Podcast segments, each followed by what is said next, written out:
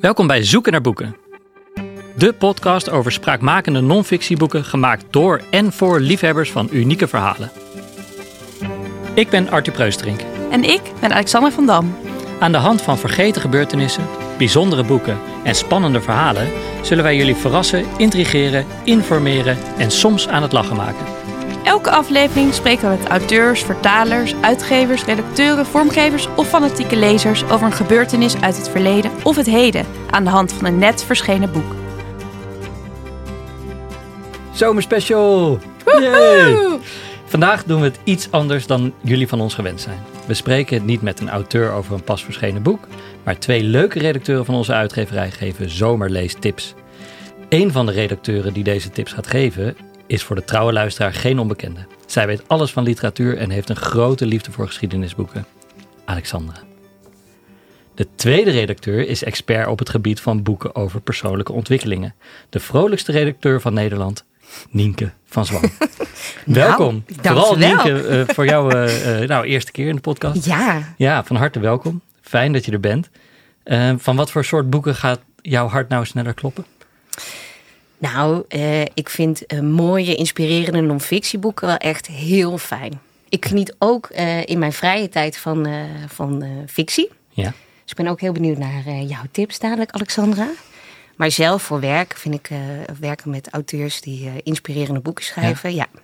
Leuk. Op heel, ja, is heel breed. En je hebt daar ook twee hele goede tips voor ja. meegenomen. Gaan we het zo meteen uitgebreid over hebben.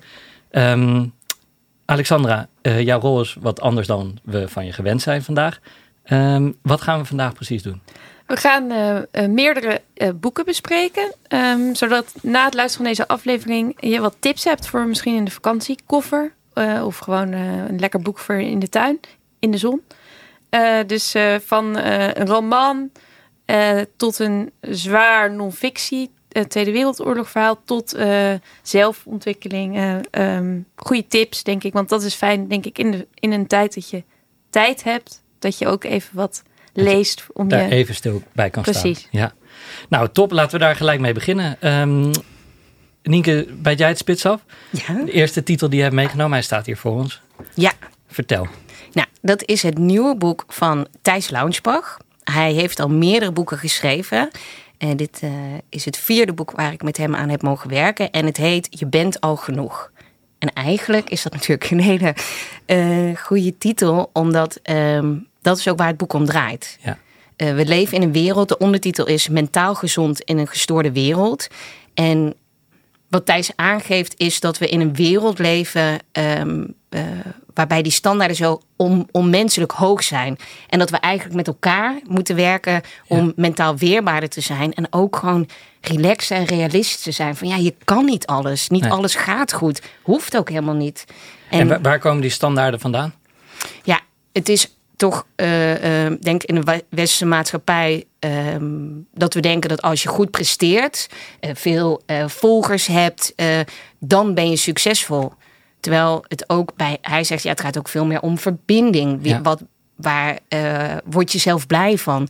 doe je dat in je werk? Doe je dat in je vrije tijd? In plaats van maar leven voor anderen, maar heel erg vanuit jezelf. Ja. Dus en je, ja. richt hij zich ook weer op specifiek de millennials? Want dit Nee. klinkt... Nee, oké. Nee, nee dit, is dit is echt een boek voor alle leeftijden. Ja.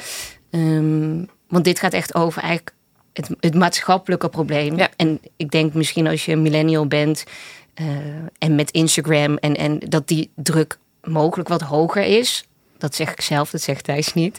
maar um, de, dus het is ook, uh, het is echt voor iedereen. Ja, en um, dus er wordt een probleem aangekaart en komt Thijs ook met oplossingen? Zeker, zeker. Heb je er eentje of een paar, een paar goede voor ons? Ja, ik zal een er eentje. Van de ja, sluier. het is een heel compleet boek. En ik, wil, ik zou het liefst hier uren over vertellen. Maar ik denk dat mensen het gewoon zelf moeten lezen. Maar er zit uh, een tip die ze, mij zelf ergens bijgebleven. Is je hebt in je leven. Uh, in je werkende leven bestaat gemiddeld, hè, als alles goed gaat, uit 80.000 efficiënte werkuren. Dus hij maakt, en ineens denk je, oh ja, dan is het Ja. een soort een tastbaar iets. Dus van echt van begin tot pensioen. En je hebt dus beperkte tijd om iets voor elkaar te krijgen in die uren. En hij zegt ook, oké, eh, focus je eigenlijk op tien grote projecten. Of dat kunnen wat meer zijn, wat minder. In je hele werkende carrière. In je hele carrière. Ja, dus van, ga ervan uit dat je tien groot, grote dingen kan doen. Um, dus hij zegt bijvoorbeeld, ja, dit boek schrijven was voor mij één van die tien. Daar heeft hij uh, hè, het jaren aan geschreven, veel tijd gestopt, maar hij was bij zichzelf uh, nagegaan van wat vind ik belangrijk, waar ben ik goed in, vind ik dit leuk en besloten, ja, dat vind ik, dus dan ga ik mijn tijd hier insteken. En dat vond ik zelf ook zo'n goed inzicht van, oh ja, van oké, wat kan ik? Wat wil ik? En is dan, ga ik dit project aan of, of uh, misschien wil iemand een andere baan of wat dan ook van uh, check bij jezelf. Is dit, past dit bij mij? Wil ik dit? Wil ik hier die tijd in steken? Want hij is beperkt. Ja. Mooi. Nou, ja, goed, dat vond ik, ja.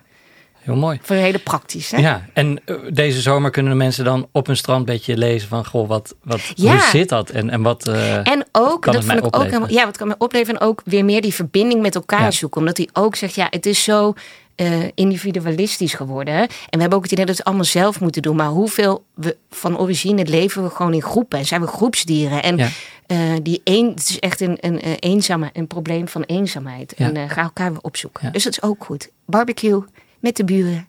Heel goed. Heel goed. Goeie tip. Leuk. Wauw, hele goede eerste tip.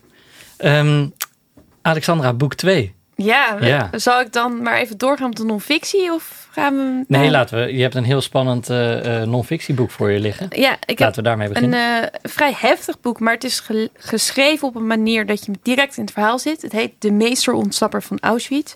Nou ja, de titel zegt eigenlijk al wat het is. Het is het verhaal van een, een man.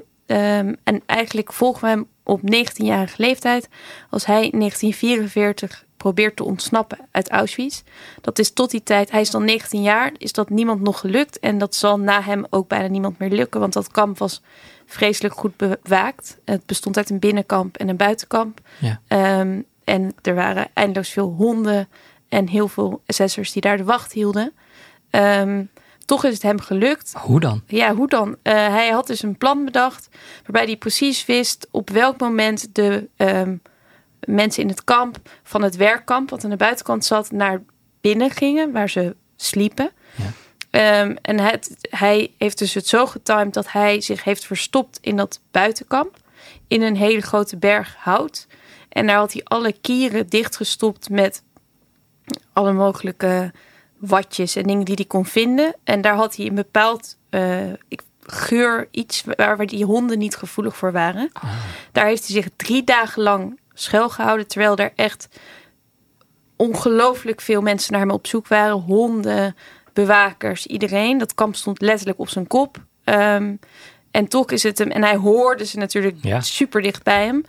Uh, maar het, heeft gewerkt. En hij wist ook dat als hij drie dagen zou overleven, dan zouden ze niet meer naar hem op zoek gaan. Dat waren blijkbaar de kampregels. Um, en hij wist dus samen met een andere man te ontsnappen. Hij is uit dat kamp, nou ja, in zijn dunne kamppyjama door, het, door de Duitsers bezette Polen um, ter, te voet gewandeld.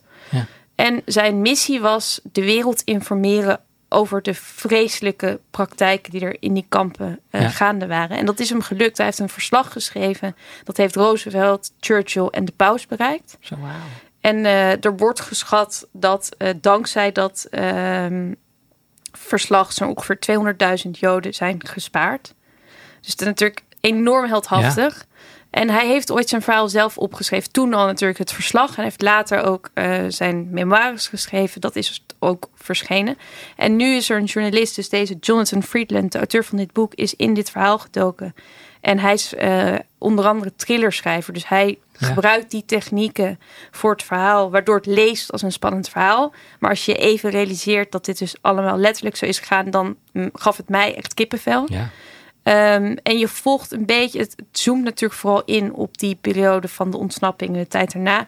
Maar ook wel het leven van deze man en, en eigenlijk hoe tragisch hij altijd op de vlucht is gebleven. Ah. Um, dus het, het is, um, uh, behalve de ontsnapping, zit er nog een heel verhaal uh, ja. eigenlijk achteraan. Ja, maar ja. het is het, het, het, verhaal van de ontsnapping en ja. de realiteit uh, van de wereld in 1944 heeft zeker het belangrijkste element van het boek. Ja. Um, en waarom moeten we dit soort boeken lezen? Ik denk omdat het je weer laat zien er zijn natuurlijk al ontzettend veel boeken hierover geschreven. Maar dit is echt een ooggetuigenverslag van iemand die dus zelf in dat kamp zat. Die is gevlucht en die nogmaals laat zien ja, hoe verschrikkelijk Ja. het was. Ja.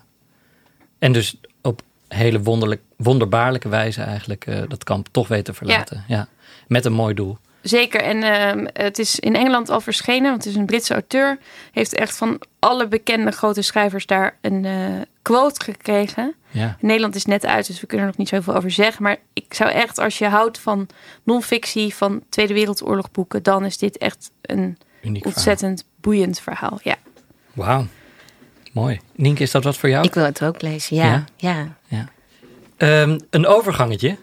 Want eh, we gaan van eh, Auschwitz eh, gaan we naar een heel ander boek. Ehm Nienke, welk boek heb je nu voor je liggen? Ja, ik heb nu voor me liggen Onderweg van Bente van der Wouw. En zij is een hele jonge, leuke vrouw.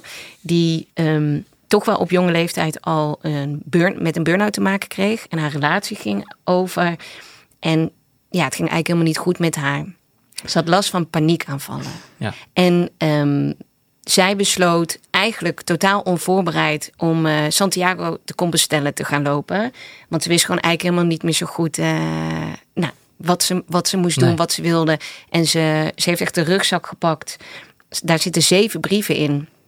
Eh, een pelgrimspaspoort en het hoognodige. Ja. En dat is volgens mij 800 kilometer. Moet ik heel eventjes spieken.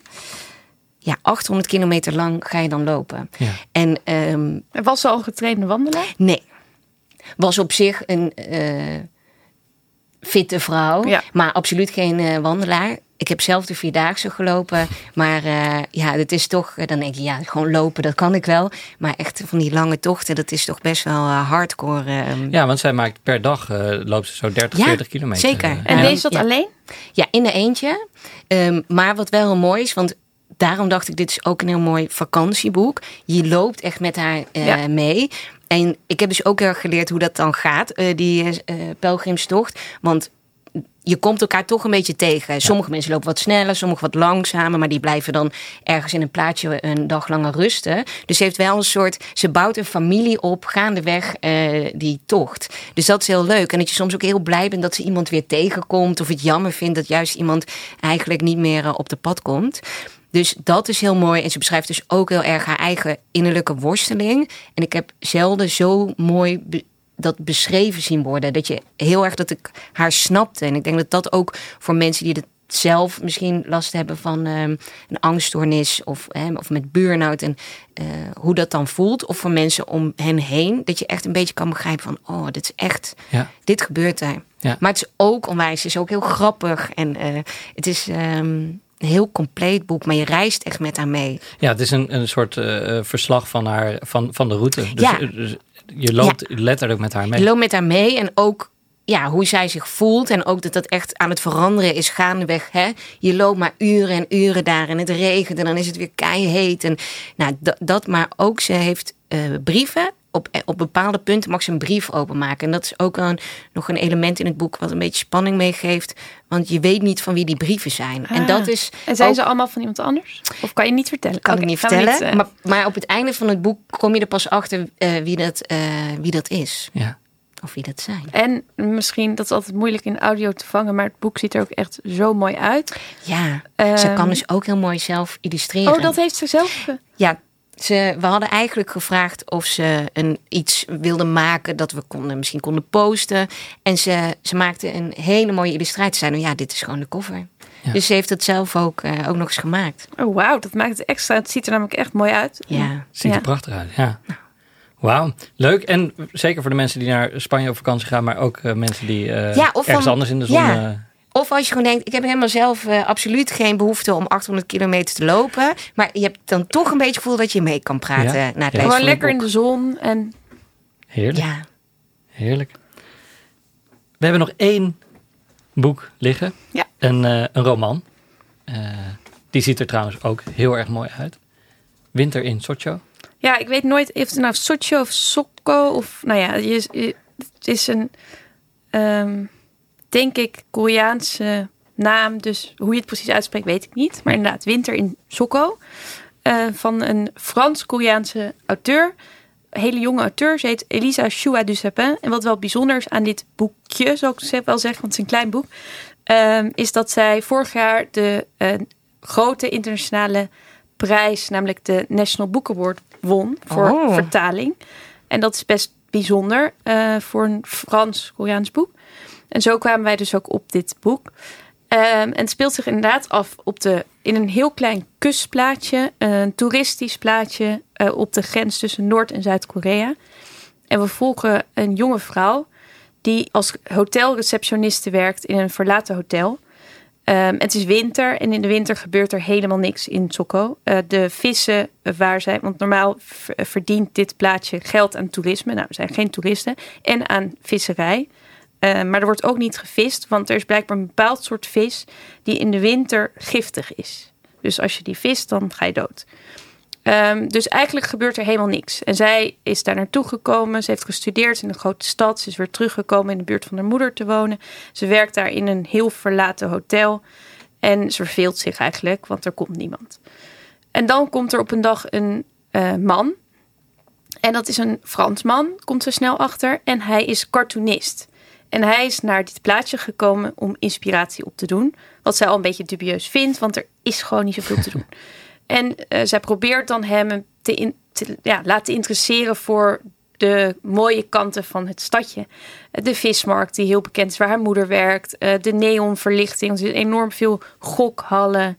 Ehm, maar hij is er eigenlijk allemaal niet zo in geïnteresseerd. En hij wil vooral naar de grens. ehm, kijken hoe het is aan de andere kant. Ehm, hij wil naar de bergtoppen die besneeuwd zijn. En hij heeft dan iemand nodig die hem kan, kan rijden. En zij gaat dan met hem mee.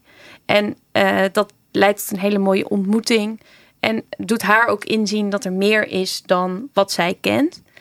En via eigenlijk zijn blik eh, verandert ook misschien haar blik op haar eigen leven. En ik zal niks over het plot vertellen, maar het is echt een prachtig klein, mooi verhaal. Wat je ook wel, vond ik, eh, leer, veel leert over het hedendaagse leven in ehm, deze regio.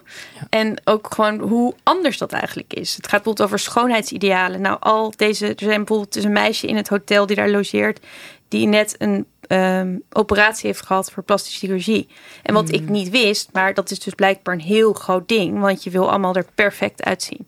Eh, en het gaat over eten, het gaat over cultuur. Ehm, nou, dus je leert stiekem van alles. En het is echt ook weer een reis naar een Ja. ander gebied. Ehm, en deze Elisa Chua du Sapin doet dat op een manier die ja, bijna poëtisch is. Een hele korte zinnen. Was best een uitdaging in de vertaling. Ehm, en je hebt dit zo uit. Dus het is iets wat je lekker leest. eh, nou, weer bij het zwembad, op het strand. Ja. Of waar dan ook. Prachtig, klinkt als een, eh, als een heel mooi verhaal. Je, wil je, je kan haar auteursnaam zo mooi uitspreken. Oh, nou, ik doe mijn best. Dat vind ik al heel poëtisch. Ja, mag die nog een keertje? Eén keer. Elisa Chua du. Ja. En zij woont in Zwitserland. En er zitten ook wel wat autobiografische elementen in. Ehm, maar het is vooral gewoon een heel mooi verhaal. Ja. Maar, maar ze is wel in Korea geweest om het... Ja, eh, zij eh, Oh ja, is ze was zelf... half... Ja, Ja. dat was het. Ja, dus ze kent de cultuur heel goed. Maar ze is opgegroeid in Zwitserland, deels. En deels in Korea. Ah, ja. Ja. Zou je misschien een klein stukje voor willen lezen? Eh, nou, zal ik dan maar gewoon een stukje uit het begin. Weggedoken in zijn wollen jas kwam hij binnen. Hij zette zijn koffer neer bij mijn voeten en trok met de muts over zijn hoofd. Westers gezicht, donkere ogen, haar in een scheiding. Hij keek dwars door me heen zonder me te zien. Op vlakke toon vroeg hij mij in het Engels of hij een paar dagen kon blijven tot hij iets anders had gevonden. Ik gaf hem mijn formulier. Hij reikte zijn paspoort aan zodat ik het voor hem kon invullen. Jan Querand, 1968, uit Granville. Een Fransman. Op de foto zag hij er jonger uit, zijn gezicht minder ingevallen. Ik bood hem mijn potlood aan om zijn handtekening te zetten. Hij haalde een vulpen uit zijn jas. Terwijl ik hem inschreef, trok hij zijn handschoenen uit, legde die op de balie, bekeek het stof, het beeldje van een kat boven de computer. Voor het eerst voelde ik de behoefte me te gerechtvaardigen. Ik was niet verantwoordelijk voor de vervallen staat van het pension. Ik werkte hier pas een maand.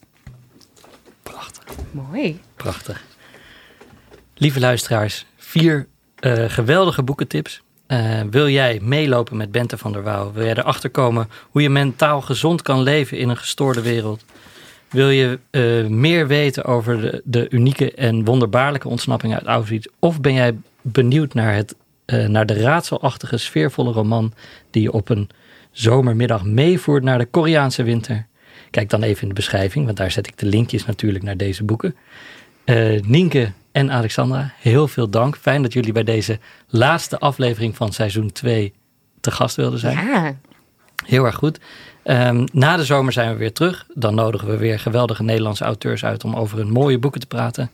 Um, luisteraars, heel veel leesplezier deze zomer. Wij wensen jullie een fijne vakantie. Uh, en uh, ja, een fijne vakantie is compleet met een heel goed boek. Zeker. Tot uh, na de zomer. Tot na de zomer. Je luisterde naar Zoeken naar Boeken, een podcast over spraakmakende non-fictieboeken gemaakt door uitgeverij Het Spectrum. Wil je nooit een aflevering missen? Abonneer je dan op deze podcast. Maandelijks praten wij je bij over een boek dat naar ons idee niet gemist mag worden. Tot de volgende keer.